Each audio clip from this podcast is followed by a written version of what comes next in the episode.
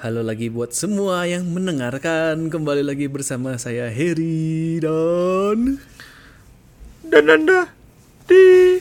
Ngetegehu Ngobrolin teknologi. tentang gaming. Gaming dan Teknologi hobi. dan hobi. Yang mana aja lah pokoknya Salah, ada teknologi, ada gaming dan hobi. ya itulah. Pokoknya itu tiga Ya hari ini kita ngomongin perwibuan lagi ya sebenarnya. Nggak wibu ya sebenarnya Iya sebenarnya ini request saya juga sih sebenarnya. Eh, kebetulan ada media yang wibunya terus tapi ya udahlah kita bahas secara universal aja ya enggak. Ya dan kebetulan dan Danda lagi itu ya lagi senang dengan satu game ini juga ya sebenarnya yang hubungan sama ini sebenarnya walaupun nggak nggak nyambung sih. iya. Iya jadi, Jadi eh, kita mau ngomongin hari ini tentang rental girlfriend iya atau pacar sewaan ya. pacar sewa. Ya, jadi sebenarnya ini shameless request saya ini kayak Bapak Heri. Ini kebetulan saya udah bikin video buat comeback. Sekalian dong dibahas biar nanti bisa narik ke channel saya. Ya jadi kalau Tapi- mau mau mendengarkan lebih lanjut tentang itu ya eh, rental girlfriend gamenya ya game Iya. mobilenya bisa nonton langsung di channel Dadanda. Iya, mau gacha nih katanya mau gacha. Mau Iya, gacha. udah ada satu video gacha, nanti harusnya ada video gacha lagi. Udah ada dua videonya. Bisa langsung Wih. ditonton. Nah, jadi eh rental kanojo ya, rental kalau di Jepang bahasanya rental kanojo, kalau di kita biasanya itu ya, pacar sewan. Di Indo banyak gak sih sebenarnya? Eh, Yang paling sih, saya penasaran. Ya, at least di Jakarta kayaknya banyak ya. Saya bukan orang Jakarta, tapi kemarin sih kebetulan sempat ngobrol kan sama teman-teman kayak suka banyak ngomong, wah banyak tuh daerah mana, daerah mana, daerah mana gitu loh. Eh sebentar. Ini pacar sewaan itu dengan konteks eh, positif ya? Nah, Bukan- saya nggak tahu tuh yang- mereka menjawab. Kita kita eh, kita episode kali ini dibatasi dengan yang eh, non adult ya non non non adult topik lah ya istilahnya. Literally pacar sewaan. Di atas itu beda beda topik ya beda jauh. Beda jauh banget sih. ya mungkin eh, mereka nganggapnya yang hal yang sedikit tidak positif itu. Tapi kalau di Indonesia sendiri ada sih beberapa apalagi kalau menjelang Valentine, menjelang Natal, menjelang Lebaran, eh, apalagi pandemi gini suka banyak kalau saya lihat di post Facebook gitu kayak ya menerima jasa jadi pacar. Nah, itu. Oh pandemi malah Siap lebih ya? diajak apa? Pandemi malah lebih booming ya? Lo ya mungkin karena sedikit berkurang kan sumber penghasilan ya udahlah kita nyambi dikit Oh. sambil jadi pacar sewaan gitu. Ya, Dan ya, biasanya ya. mereka ada do's and sama don'ts-nya sih. Kayak Oh, ya. ini yang bisa gue lakuin, ini yang gue nggak mau gitu. Ya ya ya mereka punya eh, limitasi mereka itu di- disebutkan di awal kali ya. Jadi Iya. ekspektasi juga udah nggak akan meledak lah ya. Maksudnya kenapa kamu nggak nggak mau begini sama aku padahal kan kamu sudah saya sewa gitu. Nah itu kan sudah di awal tuh ada terms and service ya istilahnya ya TNC-nya. Betul, betul, betul. Terms and condition. Nah kalau kalian mau menyewa dari saya eh, harus mengikuti aturan mainnya begitu ya. Karena eh, tetap balik lagi ini kita eh, bener-bener ngomongin buat pacaran nih kita menyewa orang buat nemenin kita istilahnya gitu ya buat nemenin Hmm. nemenin kencan lah gitu. Nah ini juga saya ngobrol sama Dandanda sebenarnya dari dari kapan sih pertama kali ada konsep begini ya sebenarnya ya? Yang saya tahu ya, yang saya tahu ini sebenarnya konsep awalnya tuh dari Cina ya, dari China. Oh, gim. Oh. Saya baru tahu tuh malah kalau di Cina ada ya. Ya, jadi konsep pertama itu sebenarnya berasal dari Cina ya, untuk menyewa pacar ya, menyewa girlfriend atau boyfriend. Biasanya le- kalau di Cina sendiri lebih banyak untuk menyewa boyfriend ya, menyewa para pria Oh. karena budaya di sana mungkin mirip-mirip sama di sini ya. Jadi budaya keluarga kepo lah kalau kita bahasa santainya. Oh. Iya, iya, benar benar. Ya pasti para pendengar juga udah sering dita udah pernah ya minimal kalau yang masih jomblo mungkin di waktu lebaran kalau di Indonesia mungkin di lebaran ya ketika habis bekerja pulang kampung pulang ke rumah orang tua begitu pulang ditanya kamu udah punya pacar belum kok belum belum punya pacar aja gitu kan Bener bener. Nah, kamu di Cina punya pacar atau enggak kawin apa udah kawin belum kapan nikah kapan padahal nikah?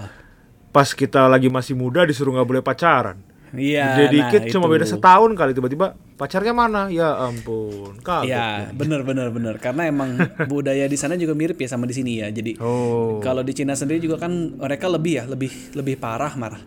Di Cina sendiri kan eh, budaya itu budaya belajar kan mereka kadang kalau udah universitas terutama ya SMA sampai Hmm, ya, universitas ya, ya, itu ya, ya, benar, mereka biasanya jadi merantau ya, udah merantau ke kota-kota gede. Karena kan eh, universitas-universitas yang bagus itu banyaknya di kota-kota besar. Jadi para mahasiswa-mahasiswi itu mereka eh, eh, tinggal di asrama dan ya kalau saya sambil cerita juga asramanya biasanya nggak boleh campur. Jadi asrama pasti pria sama pria, asrama wanita dan wanita dan biasa itu cukup itu ya, cukup padat ya. Biasa satu kamar itu bisa sampai 4 sampai 8 orang empat biasanya. ya ya ya pakai kasur yang bertingkat itu emang Ya, dan kamarnya pun kecil ya, kamarnya kecil banget. Bener-bener masuk kamar itu cuman kasur tingkat di bawahnya kasur itu meja belajar. Cuman begitu doang dan ya buat yang belum tahu ya dan itu di Cina sendiri udah sangat umum dan mungkin kalau kita, kita pertama kali lihat itu kesannya kayak tinggal di slum banget ya. Tinggal di ya ya Ya, ya, atau selama- tinggal di asrama-asrama militer gitu kan ya. asrama-asrama militer dan mereka kayak untuk privasinya sendiri jadi di, di atas ranjang tuh mereka pakai spray lagi buat kayak dibikin jadi kayak kerai gitu. Jadi bener-bener privasi itu cuman di ranjang doang di atasnya gitu kan. Benar benar dan itu mereka ditekankan untuk belajar belajar dan belajar lebih parah daripada di Indo. Ya dan ya ada episode kemarin juga ya kita ngomongin makin ditekankan lagi di undang-undangnya. Udah anak-anak gak boleh gak boleh main game kecuali Jumat Sabtu Minggu. Dan ini emang udah dari awal udah kelihatan ya di kayak universitas-universitas gitu juga. Mereka biasanya belajar banget. Dan di kamar pun kalau nggak dipakai buat belajar mereka di kelas ya di kelas belajar banget dan itu nggak ada waktu buat pacaran ya. Dan ketika ketika mereka masuk ke dunia kerja masuk ke lulus dari kuliah langsung ditanya kapan nikah? Kapan nikah mana saya mau cucu? gitu. Karena kan eh, mereka biasanya kalau pulang kampung itu kan sincah ya sincah tahun baru Cina tahun baru Cina mereka pulang kampung. Nah udah pulang kampung pasti ditanya sama orang tua kan ketemu lagi orang tua biasa kan ngobrol. Gimana nih kuliah belajar gimana? Nah udah punya pacar belum? Kok masih single? Apalagi ini mirip sama di Jepang juga ya sebenarnya ya. apalagi untuk para wanita yang biasanya lebih meniti karir. Hmm. Kalau di Jepang yang saya tahu itu ya budaya na- Natal di sana ya yang biasa yang wanita udah di atas umur 30 terus pas hari Natal itu kayak ke toko kue ngelihat aduh ini kue Natal oh ya ya ya kue ya. sisa ya kayak saya barang sisa udah udah nggak laku kesannya kan gitu ya Ya. Memang ada istilahnya itu namanya makanya eh, cewek-cewek yang umurnya 25 tahun ke atas biasanya yang belum pernah punya pasangan ya eh, itu disebutnya Christmas cake, Christmas kue cake Natal. kenapa kue Natal karena kan biasanya udah tanggal 25 malam itu kalau kue Natalnya masih di toko 26 udah nggak akan ada yang beli ya karena kan udah Iya, lewat benar. juga gitu makanya batas umurnya juga 25 tahun 20 kan. bener ya, angkanya sama. 25 tahun. Iya, angkanya sama. Oh, dari situ tuh.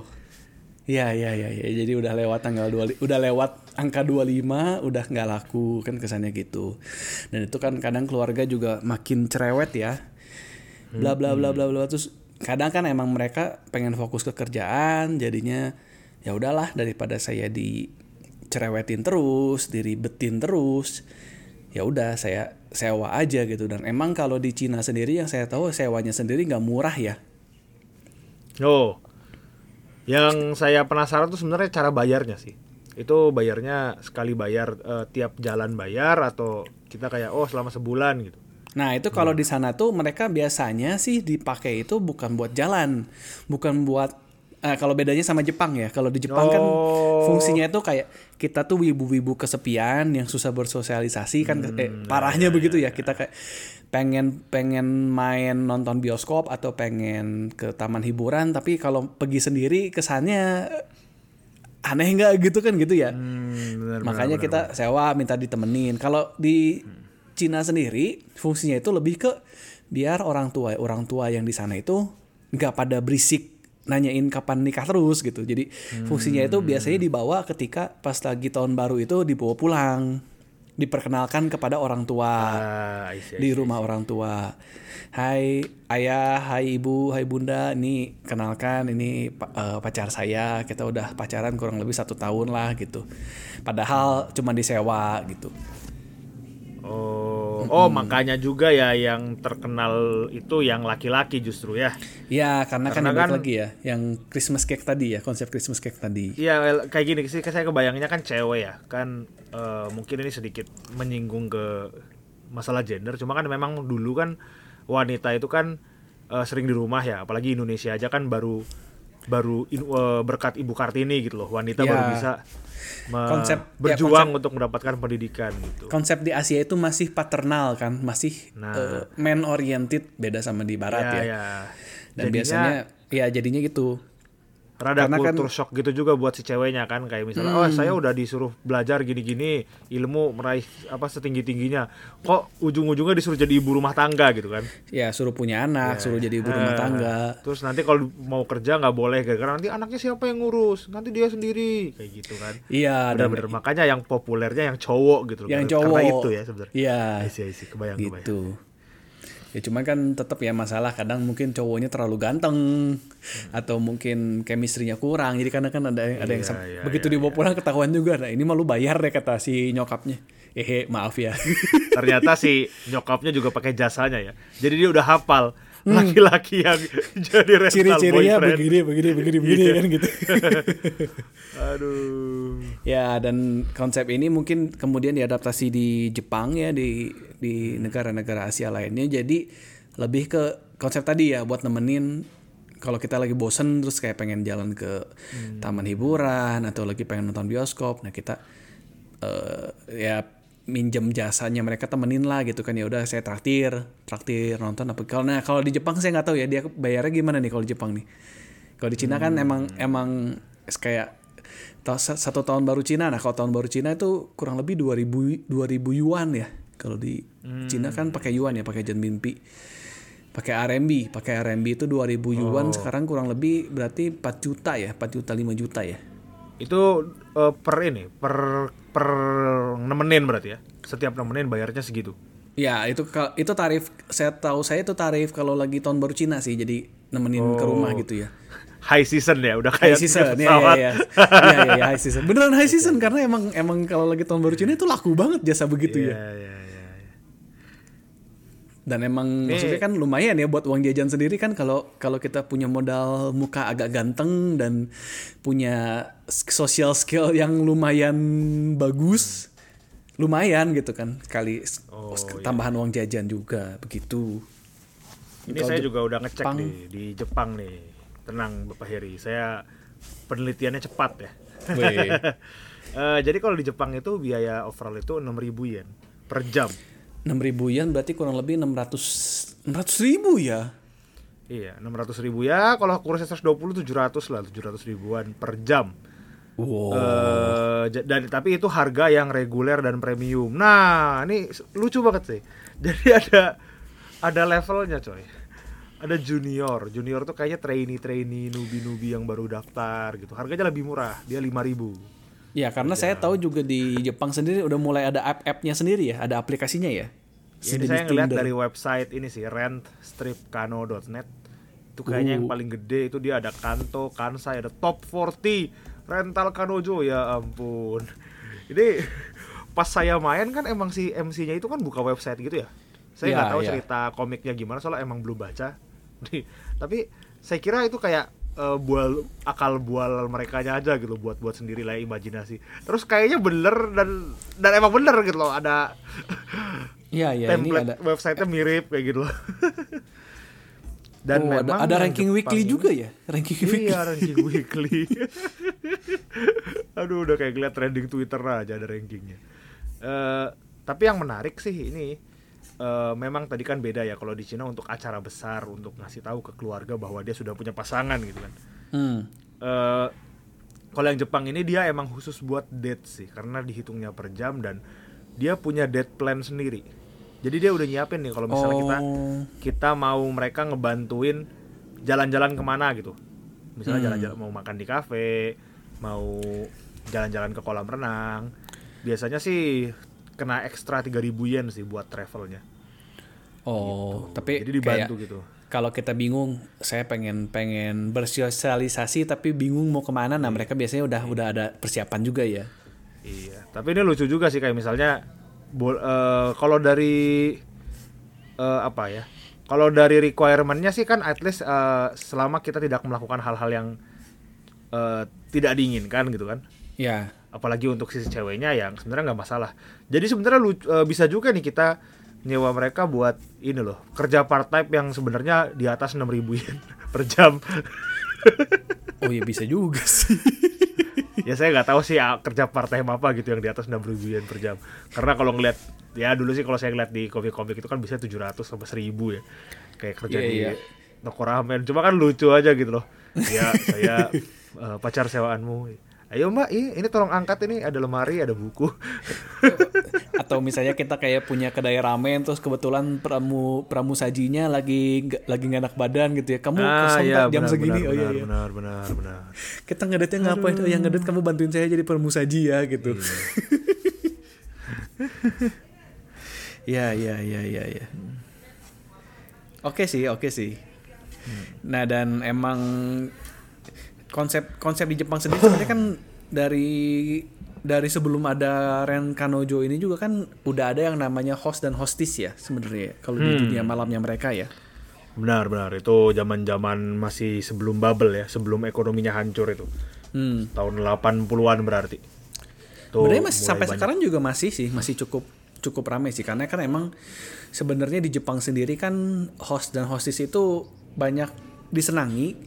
Eh, definisi host dan hostess itu sebenarnya kayak kedai host ya, kedai ke kafe, ke kafe itu kayak ada ada kalau kita cewek ya kita ke kedai cowok, isinya cowok-cowok ganteng yang nemenin kita ngobrol kayak iya, gitu, sambil iya, iya. minum. Jadi kita beli minum terus dari beli minum itu kita ngobrol Ya ngobrol ditemenin sama eh, abang-abang kalau nggak sama eh, sama cici-cici Benar, benar, sama mbak gitu kan kalau kita cowok. Cuman ngobrol aja ya ter- sebatas hanya mengobrol gitu kan. Nah kalau kalian mau lanjut kalau emang hostesnya mau bisa lanjut di luar di luar kafenya kan gitu. Tapi biasanya enggak iya sih. iya iya iya Biasanya enggak. Jadi itu bener-bener karena di Jepang sendiri banyak orang-orang itu sebenarnya kesepian ya. Mereka sosial skillnya tuh nggak terlalu bagus kayak kata saya ya sebenarnya orang-orang Jepang Hmm. gitu. mereka ini sih ya hidup dalam kesibukan gitu loh Iya, jadi hidup- hidup ketika di wak- dikasih waktu senggang tuh bingung mau ngapain. Terus eh, teman kerja tuh sekedar bahkan bukan teman kita sebutnya mungkin rekan kerja ya bukan rekan teman kerja, ya karena kan kalau Ah. Jepang sendiri rekan kerja itu kadang itu kan kita harus nemenin minum ya biasanya. Budaya mereka itu kan nemenin iya iya iya. nemenin abis bos pulang kalau bos ngajak minum kalau kamu menolak ikut itu berarti nggak sopan kan gitu kan. Hmm, hmm, kok kamu berani udah diajak sama bos kok kamu berani nolak kan gitu nah itu. Kalau ngelihat kehidupannya ini ya white collar worker ya salaryman lah karyawan karyawan di. Jepang itu hidupnya ya ini sih penuh penuh banget ya padat banget penuh banget gitu. Ya sampai kadang jam 3 pagi jam 4 pagi mereka nggak pulang ya bener-bener kayak cuman nyewa nyewa kafe warnet cuman buat tidur doang pagi-pagi jam 5 udah berangkat lagi kerja. benar benar benar berat sih emang. Jadi kalau kalian para wibu-wibu yang masih bermimpi untuk kerja di Jepang coba pikirkan lagi. Ya iya iya. Lebih baik buat jalan-jalan aja sih. Iya iya buat, buat- Jepang dan Cina sama ya dua-duanya ya. Jepang dan Cina itu hidup hidupnya berat tapi buat buat jalan-jalan lumayan sih. Gitu. Apalagi Jepang. Mana nerima mereka orang asing. Udah susah banget mereka. Salah Iya, satu biasanya. negara yang cukup ini sih cukup fobia terhadap orang asing karena eh, kayak contohnya paling simpel itu kalau kita mau nyewa rumah ya. Ya ya nyawa apartemen itu susah banget Hmm. ya katanya. Kalau buat orang asing perlu jaminan tapi mereka nggak nerima jaminannya keluarga kita. Harus orang di Jepangnya lah gitu loh. Ya harus punya koneksi atau misalnya bener-bener yang harus nyari itu gaijin oke ya biasanya ya mereka bahasanya itu ya. Iya ya benar benar benar ada biasanya nanti oke eh, orang asing boleh di sini gitu Ya. kalau nggak ada tulisan itu biasanya nggak bisa. Biasanya nggak bisa. Mereka sendiri nggak mau eh, nggak disebutin ya. Mereka nggak disebutin tapi nggak nggak mau nerima. Ya mungkin karena emang orang asing sendiri pernah itu ya. Kalau kata saya emang kadang kalau kita lihat di Bali ya kalau kita lihat di Bali itu emang bule-bule kadang banyak yang reckless ya sebenarnya. Iya iya sih. Dan pengalaman saya ke tinggal ya bukan liburan di luar negeri itu memang, memang tempatnya nggak enak banget sih gitu loh. Eh, apalagi kayak kamar mandi kotor lah terus eh, dinding yang rusak lah gitu loh. Apalagi di tempat-tempat umum ya di kayak misalnya di stasiun gitu. Eh, ini ngomongin Masih negara negara bule berarti ya negara. Ini ya ya bukan Jepang ini. Eh, saya belum pernah ke Jepang tapi ada alhamdulillah pernah ke beberapa ya contohnya ya benua lain lah bukan di benua Iya, Asia. iya, iya. Bukan saya nggak nyebut negara Asia, nanti iya, ada yang iya. marah lagi. Kan, kan kita pendengarnya banyak dari negara asing ya. Iya iya benar juga benar juga. Aduh. Ya dan emang ya iya sih terutama paling gampang kalau ngomong sebut merek kayak New York sendiri ya di Amerika New York itu kan bener-bener kumuh ya hitungannya ya sebenarnya ya. Hmm. Dibanding kayak Jepang itu jauh lebih kumuh ya. Bahkan dibanding Cina pun di kota-kota gede Cina itu lebih lebih kumuh kayak New York gitu ya. New York atau Paris ya pernah ke Paris kayak juga Jakarta kumuh. sih kayaknya ya. Jadi Iya, iya, enggak, eh, Jakarta lah. Kayak jelas-jelas ada daerah-daerah metropolitan tapi juga banyak slum juga gitu loh. Jadi Hmm, banyak selam. Dan kayak saya dengar si saya sempat sempat dengar di trash test juga kayak si Joey kan pernah ke New York ya pernah ke Amerika itu kalau kita jalan kaki dan kita nggak tahu tujuan terus salah belok itu bener-bener bisa belok tuh ke daerah yang sangat tidak aman ya bisa bisa bisa dicopet langsung ya ditodong gitu oh. kayak scene-nya apa scene-nya Batman ya Iya, Batman openingnya iya, Batman iya. tuh kayak begitu Dan ya itu bener-bener- tempatnya bener-bener Joker joget-joget itu kan di Bronx. Udah Ya, jelas-jelas itu tempat-tempat yang banyak krim- eh, tindakan kriminal. Jadi tempat turis gara-gara Joker. senang dong di sana yang untuk begal-begalnya senang di sana. Iya iya ya begitulah kurang lebih. Gitu ya mungkin karena itu juga ya jadi untuk gajian agak susah. Kalau kita jadi ngomongin gaji nih Tahu. Tapi ngomongin gaijin sih ini ada rental kanojonya bule ya. Namanya GF Rental. Eh kita tinggal milih ini di Amerika sih. Kita tinggal milih kotanya yang mana nanti dia ngasih list eh, pacar sewaan pacar sewaan di kota itu ya.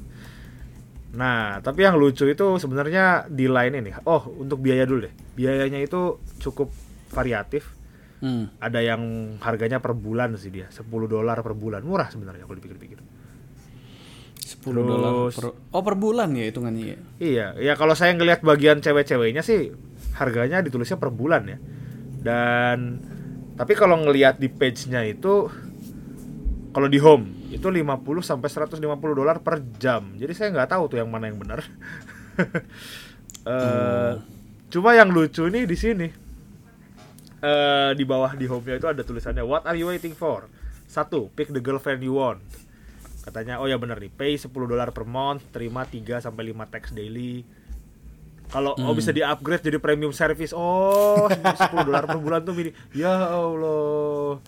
Mul ini berarti salah ya, bukan 10 dolar per bulan tapi mulai dari 10 dolar per bulan. Hmm, ya ya ya. ya kan ya, ya. kalau iya ya. Nah, tapi yang lucu ini Bapak Heri. Add multiple girlfriends. Astaga, bisa ya begitu ya? Ada tulisannya di sini. Siapa bilang kamu cuma bisa punya satu pacar? Kita saling berbagi di sini. Jadi kalau kamu mencari satu nggak apa-apa, tapi juga kamu boleh punya banyak. Selama dompet masih mendukung kayaknya masih bisa kali ya. Iya. Dan itu itu dijamin pasti nggak akan marah ya, apalagi kalau dari satu website yang sama ya. Orang-orangnya pasti nggak akan marah. Iya, ya benar benar benar benar. Anda sudah tanda tangan ini. Anda sudah bekerja di sini. Dia memperbolehkan. Aduh. Ini juga saya sempat lihat di artikel ada ya di Indonesia juga sebenarnya kalau di Indonesia nggak terlalu mahal ya. Ini kurang lebih Hmm. lima ratus ribu cuma eh, bisa apa? Bisa kurang lebih tiga jam ya Ya, tergantung sih. nemenin ngedate. Kalau buat kalau saya nggak pernah lihat yang ada websitenya Bapak Heri atau grupnya. Websitenya kayaknya nggak ada ini kayaknya by person aja kali ya. Soalnya emang saya sering lihat pacar sewaan itu kalau lagi Valentine atau lagi Imlek atau lagi Lebaran sih. Hmm. Dan itu harganya cukup variatif ya. Tergantung seberapa seberapa high level speknya si cowok ceweknya atau seberapa pede. Kadang-kadang ada kepedean soalnya bang. Ya ya. eh itu dari yang paling saya yang saya lihat paling mahal tuh 4 juta kalau nggak salah. Hmm, hmm, hmm.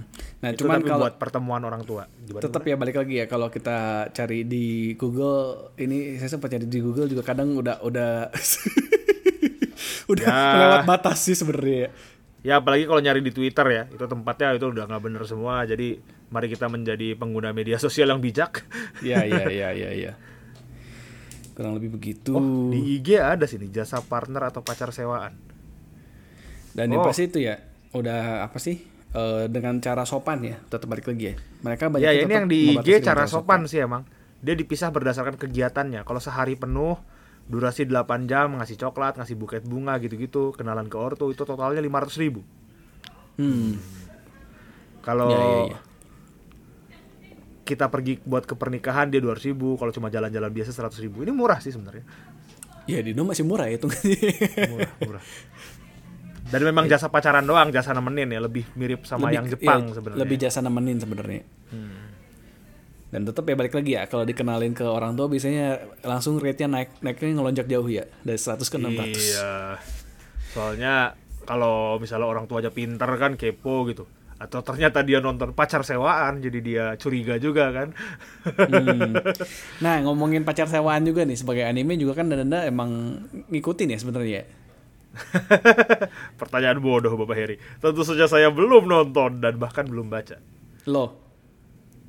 Ya, jadi kemarin itu main gara-gara anime lainnya banyak. Ada Fairy Tail, ada Seven Deadly Sin. Sebenarnya saya ngincer mereka aja sih, bukan si pacar sewaannya gitu. Oh, emang mereka kayak kerja sama gitu. eh iya, kayaknya sih tamu ya bintang tamu karena emang judulnya aja bukan pacar sewaan doang tapi pacar sewaan heroin all star gitu. Eh, Oh. heroin all starnya tuh kayaknya dia ngambil eh cewek-cewek dari seri Kodansha ya berarti kalau mereka Hmm. Kodansha yang lain gitu. Ya awalnya sih nggak minat emang, tapi pas ngeliat kayak oh gini. Eh ya sa- kayaknya saya inget deh saya pernah baca satu chapter dulu. Cuma ya baca awal-awal kayak baru rilis kan langsung ada yang translate biasanya. Ya, Itu ya. apa ya. nih baca bentar ya ya udah males lah nggak usah lanjut lagi. Jadi emang saya ingetnya cuma si yang pemeran utamanya itu yang rambut hitam panjang si Chizuru. Ya. Nah, yang lain nggak tahu. Hmm. Ya, ya, ya, ya, ya, ya. Bapak Heri juga nggak baca jangan-jangan sama. Saya tahu sih ceritanya itu Oh. tokoh utamanya sampah. si cowoknya sampah. Dua teman saya yang lain itu pas saya tanya, ya ini pacar sewaan gimana ceritanya? Udah lu nonton animenya aja terus nggak usah baca, lanjut baca komiknya, sampah. Soalnya mungkin tarik ulur ya semua ditarik ulur ya ceritanya. ya ya ya karena emang sejujurnya saya udah nggak bukan umurnya buat ngikutin anime yang tarik ulur kayak gitu ya bosen banget kebanyakan paling parah itu saya waktu itu yang tarik ulur itu yang itu ya yang eh, apa namanya Toradora Oh, itu padahal lebih pendek. Lebih Komiknya pendek, tapi- volume kan novel Iya. juga pendek. Iya ya novelnya pendek, animenya juga cuma 12 episode ya kalau nggak salah. Tapi tetap saya malas banget itu kan tarik ulur, tarik ulur, tarik ulur. Malah saya eh, ngomongin anim tuh saya sempat nonton baru baru nonton ya. Ini saya sempat ngomong ke Dadanda juga. Baru nonton itu ya. Ini Nisekoi ya? Apa? Eh Nisekoi. Oh, bukan Nisekoi. Nisekoi. Ini yang yang yang asistennya bikin. Salah, Oh, Chunibyo. bukan. Oh, Chunibyo cuy. Ini Chunibyo demo koi ga shitai. Nah, itu. takusan mita sameta. Ya, lanjut. Ya ya ya. Ya, itu kan saya dikasih temen ya ng- ngasih tahu kan saya main Genshin terus kayak si Fiscal tuh pengisi suaranya tuh mainin anime terus Oh, anime iya, bagus iya, banget emang. terus, terus saya nonton anime wow ya anime bagus banget gitu Ya, Emang dia spesialis Chuni sih, seiyunya sih Visual. kalau kalau bahasa bahasa Sundanya Chunihin ya Ya. Chunihin Chunihin demo koi ga shitai. ya itu ya ya saya nonton itu malah malah seneng banget ya karena ceritanya maju terus kan gitu kan nggak Eh. nggak cuma dari PDKT-nya doang kan dari pacaran terus sampai masalah-masalah setelah itu gitu kan itu karena menurut saya sih itu karena Chunibyo itu yang eh, anime Chunibyo Koi itu Hmm. Chunikoi itu kan original anime Ya original anime dia menang lomba ya sebenarnya lomba ya bukan original ini konsep. bukan dari komik bukan dari eh, novel bukan dari sesuatu yang lain game misalnya karena ketika anime itu dibuat dari media lain sebenarnya anime itu iklan buat ngepromosiin media utamanya. Paling gampang itu ya. kenapa- Apa? Paling gampang itu si apa Kon Konosuba. ya misalnya Konosuba. Itu dia ada anime ya buat bikin novelnya. Tapi kalau animenya sukses ya bagus gitu. Dan ternyata sukses kan itu Ya. studionya Konosuba itu dikata-katain dari dulu pas dia bikin Konosuba semua tepuk tangan studio iya, itu Dim ya. Konosuba bagus sih. Iya, Seiyunya pun gitu. luar biasa sih. dan Ya. memang Konosuba tuh kalau nggak salah juga banyak seiyu baru deh kayak Megumin itu tuh dulu sebelum itu dia nggak terkenal seiyunya Nggak terkenal. gara-gara. Konosuba naik Naiknya naik banget ya malah ya. naik naik banget gitu terus ya itu jadi kayak kalau contoh anime iklan yang lain tuh misalnya Yu-Gi-Oh ya itu udah paling iklan banget tuh Yang saya tahu yang paling kartu. iklan paling gampang itu sih itu sih eh aduh saya lupa namanya. apa Gundam? Ya Zero. Gundam juga iklan eh, bener. No Game No Life, No Game No Life. oh iya No Game No Life juga benar-benar Itu belum lanjut lagi kan? gimana nasibnya? Belum lanjut tuh, coba season 1 ya nyampah nyampah doang dong. season 1 sama movie kalau nggak salah. Kok novelnya juga bukannya udah tamat ya? Iya, tapi kan maksudnya itu season 1 pun kayaknya novel cuma satu dua satu buku ya dari, Oh, dari lanjut, 20 buku gitu kan. Iya iya iya. Ya itu sih kalau bercandaannya orang-orang sih karena dia orang asing oh enggak. Enggak enggak enggak ya dia punya darah ini sih darah asing. Si penulisnya No Game No Life ya. Oh. Apa hubungannya? ya, ya enggak kan tadi kan kita udah bilang sebelumnya saya bilang Jepang itu masih agak punya tidak oh, tidak tidak terbuka lah dengan orang-orang asing gitu kan. Iya, iya, iya, iya. ya gitu. Ya tapi kita nggak tahu beneran. Ini cuma spekulasi aja.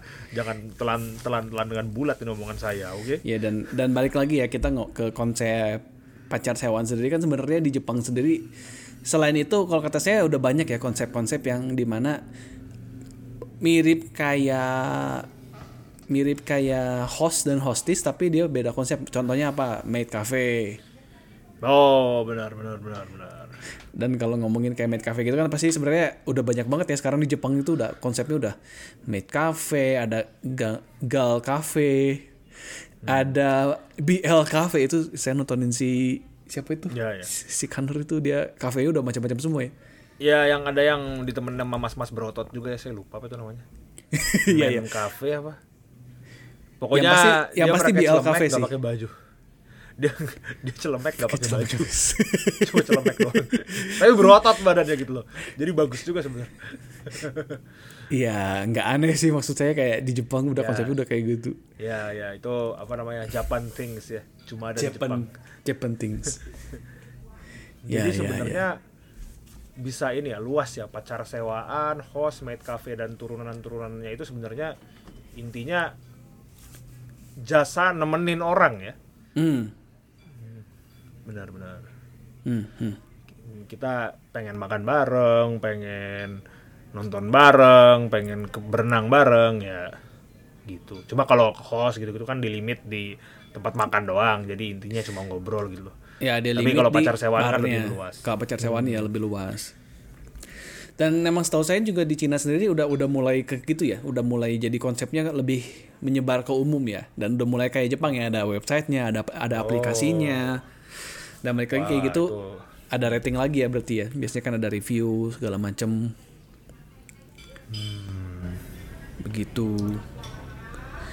Dan emang udah mulai ngeluas-ngeluas juga ya konsepnya kayak ke Korea. Yang saya tahu Korea juga udah ada sih udah mulai. Oh, saya baru tahu itu. Hmm. Ya, tapi sih kayaknya emang ya saya tahu yang di Jepang karena Wibu, Bapak Heri juga tahu yang di Cina karena kenapa Bapak Heri tahu info-info yang dari Cina? Jangan-jangan Anda Wibu Cina Sejujurnya, ya. sejujurnya itu dikasih tahu sama guru saya waktu itu di sana ya kan saya sempat kuliah di sana dan memang konsep yang waktu itu masih cukup apa ya masih cukup baru ya waktu waktu saya itu tahun 2010-an ya kurang lebih oh astaga udah 10 udah 11 tahun yang lalu. ya ya ya lanjut lanjut. Tahuan umurnya. ya itu ya itu 11 tahun yang lalu itu konsepnya masih sangat baru karena emang belum semaju sekarang ya eh, pemikiran-pemikiran dan waktu waktu itu pun kan belum banyak konsep-konsep yang yang agak aneh-aneh ya yang di ya kadang saya tahu sih di Cina sendiri kan mereka suka mengcopy paste konsep-konsep di Jepang ya dengan ya, ya KW-annya lah istilahnya ya made in China-nya gitu dan yang saya tahu ini emang konsepnya sebenarnya originalnya dari Cina. Makanya ketika Danda ngomong begitu saya ngomong oh ya dar, emang saya bisa kontribusi karena emang saya tahu sebenarnya asal muasalnya dari situ gitu. Dari budaya yang tadi ya yaitu budaya sebenarnya di Indonesia juga itu budaya agak menyebalkan ya sebenarnya ya. Karena Ya, istilahnya kayak di Indo pun kan udah udah umum banget ya. Kapan kapan lulus kapan nikah kapan punya anak kapan punya dede anaknya gitu kan saya sendiri standar lah eh ya itu sebenarnya suatu konteks yang bisa dilihat dari sebenarnya ini nggak ada hubungannya sama pacar sewaan juga sih. Cuma kan kalau dilihat dari segi positifnya kan mereka berharap yang terbaik untuk kita. Mereka berharap ingin ikut merayakan bersama gitu ya kan. Tapi ya, kalau dilihat dari sisi negatifnya sih ya mereka cuma jadi cuma jadi perbandingan aja gitu. Nanti kalau misalnya nanya kapan nikah, nanti dibilang iya tapi tetanggaku atau sepupuku udah nikah kok kayak gitu. Sama halnya kayak kita ketemu sama saudara, kok gemukan, kok gemukan, kok gemukan gitu. ini ini bukan eh, curahan hati tapi eh, kenyataannya seperti itu kan. ya iya kita kita kurusan pun dibilangnya ngegendutin ya Iya bener. Udah rajin olahraga masih dibilang gemukan. Bete juga lama-lama. Oh enggak, ini ini nah ini baru curahan hati. Aduh. Iya iya emang ya asal muasalnya bener-bener dari situ. Dan dan sebenarnya saya masih masih penasaran sih itu kenapa ya dia bener-bener loncat banget ya dari umur kuliah itu budaya Asia ya nggak boleh pacaran. Terus udah begitu lulus itu langsung ditanya kapan nikah? gitu kan. Itu saya bingung sih kenapa ada ada Se- konsep yang bisa loncatnya loncat banget gitu seloncat loncatnya kan gitu kan Saya nggak tahu sih, tapi kalau kata saya sih itu lebih sebenarnya banyak budaya kita tuh dari Cina sih. Kayak misalnya kita salim sebelum keluar itu kan sebenarnya dari ajarannya Konfusius ya. hmm Asia ya Eh, heeh. jadi dan kayaknya sih disparitas antara tadi fokus ke pendidikan berubah dikit tiba-tiba jadi fokus ke keluarga itu juga. Saya belum baca banyak tentang Confucius tapi saya cukup yakin itu dari situ juga ya.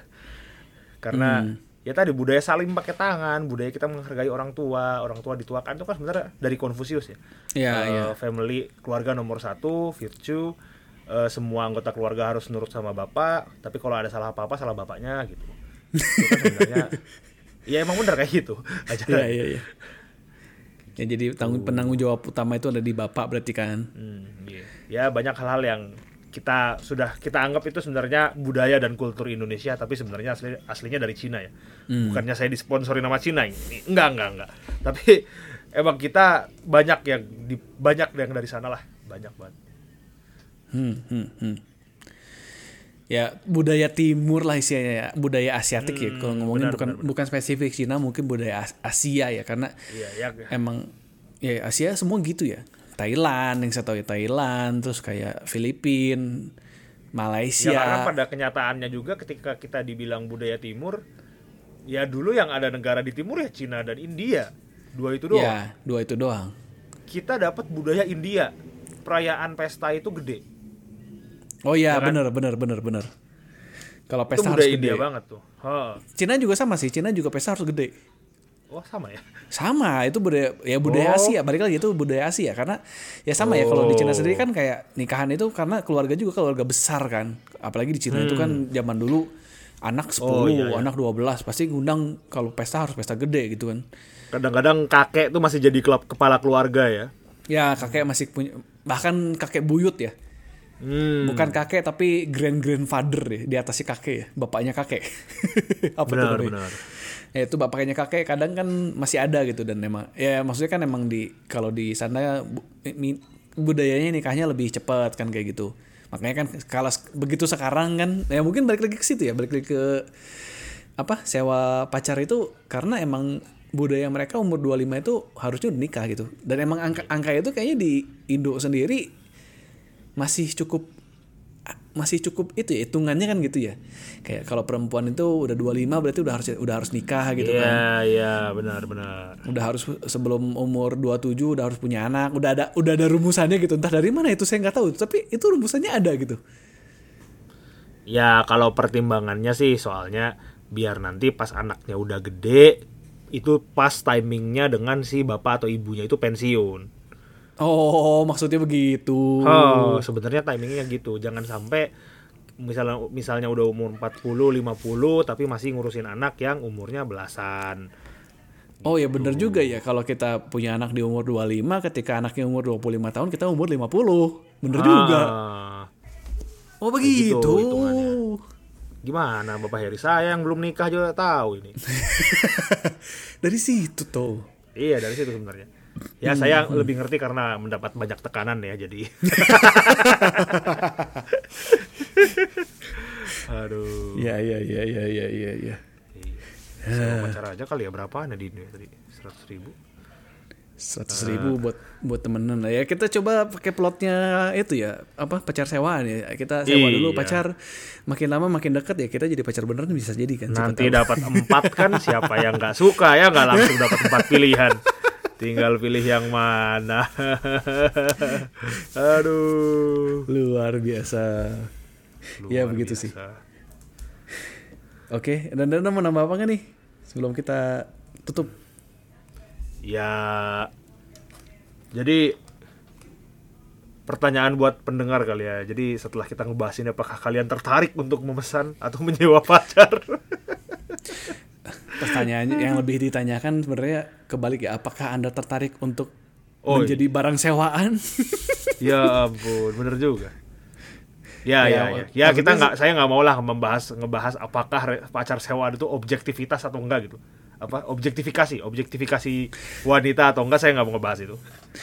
ya sejujurnya kalau kata saya enggak sih selama selama itu dalam bukan paksaan ya selama dilakukan Iya. dalam dalam lingkup sadar sadar gitu ya mau mau sama mau kalau bahasa Inggrisnya itu apa ya saya tuh lupa ada ada istilah bahasa Inggrisnya ada ya? consent consent Oh iya, benar, benar, benar, benar. Ya, ya, selama, si konsen ceweknya dan emang, emang emang batasan garis-garis limitasinya itu jelas ya. Hmm.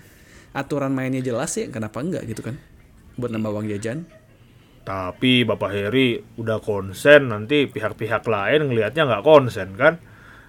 Terus ya itu tapi yang bikin menur- yang menurut saya bikin eh, pacar sewaan ini susah kita nyari eh, website atau mungkin Ya tempatnya t- gitu di karena di Indo agak susah karena ya budaya kita agak tetap ya, tetap Iya, kita budayanya masih tertutup ya, beda sama Jepang atau di Cina yang udah terbuka ya, udah lebih karena udah masih lebih agak bebas. aneh.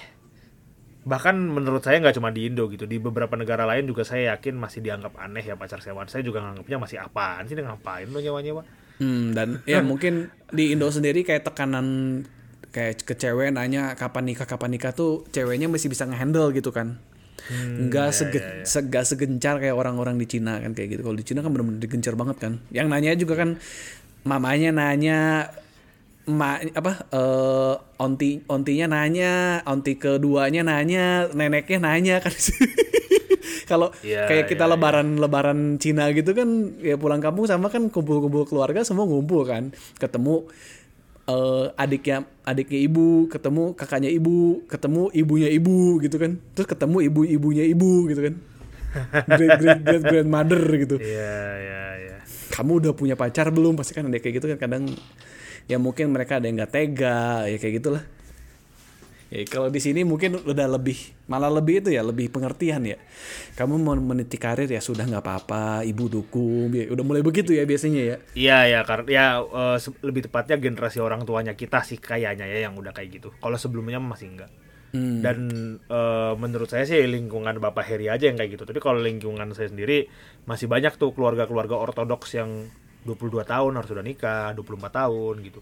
Jadi baru Iya, iya, soal kalau ngom- ngomongin terus nanti yang muda kan selalu ngomong, tapi kalau misalnya kita nikah, gimana ini duit untuk apa maksudnya kan susah, kita belum siap buat ngurusin anak, buat ini itu. Habis itu nanti ngomongnya ya kan kita tumbuh bersama, kita belajar bersama, kita membangun keluarga bersama. kalau Ya, itu- rezeki kan sudah datang pasti ya bahasanya Iya, begitulah Benar benar. Padahal enggak tapi ya. Itu ini ya. Itu perbedaan pandangan aja sih menurut saya mah ya. Eh, karena ujung-ujungnya juga setelah kalian menikah muda juga masih bisa memilih untuk tidak punya anak dulu kan gitu ya kan? Ya dinikmatin gitu kan. Ya biasa banyak kan pasangan muda kan menikmati dulu tetap masa-masa pacaran pacaran di awal-awal menikah itu juga kan ada space sendiri ya. Ya ada ada kesenangannya sendiri lah. Dan ya ya jangan ter ya dari saya sih jangan terlalu kebawa sama apa ya istilahnya social pressure ya social pressure di di kita kita nggak usah terlalu terpengaruh lah.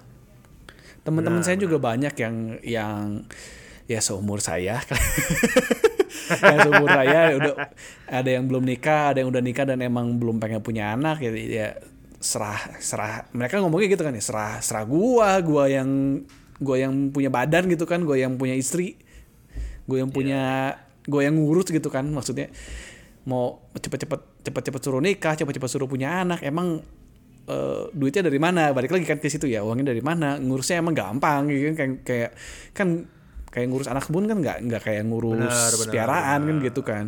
Beda lah gitu. Itu bener-bener keputusan yang harus dipikirkan matang-matang kan gitu.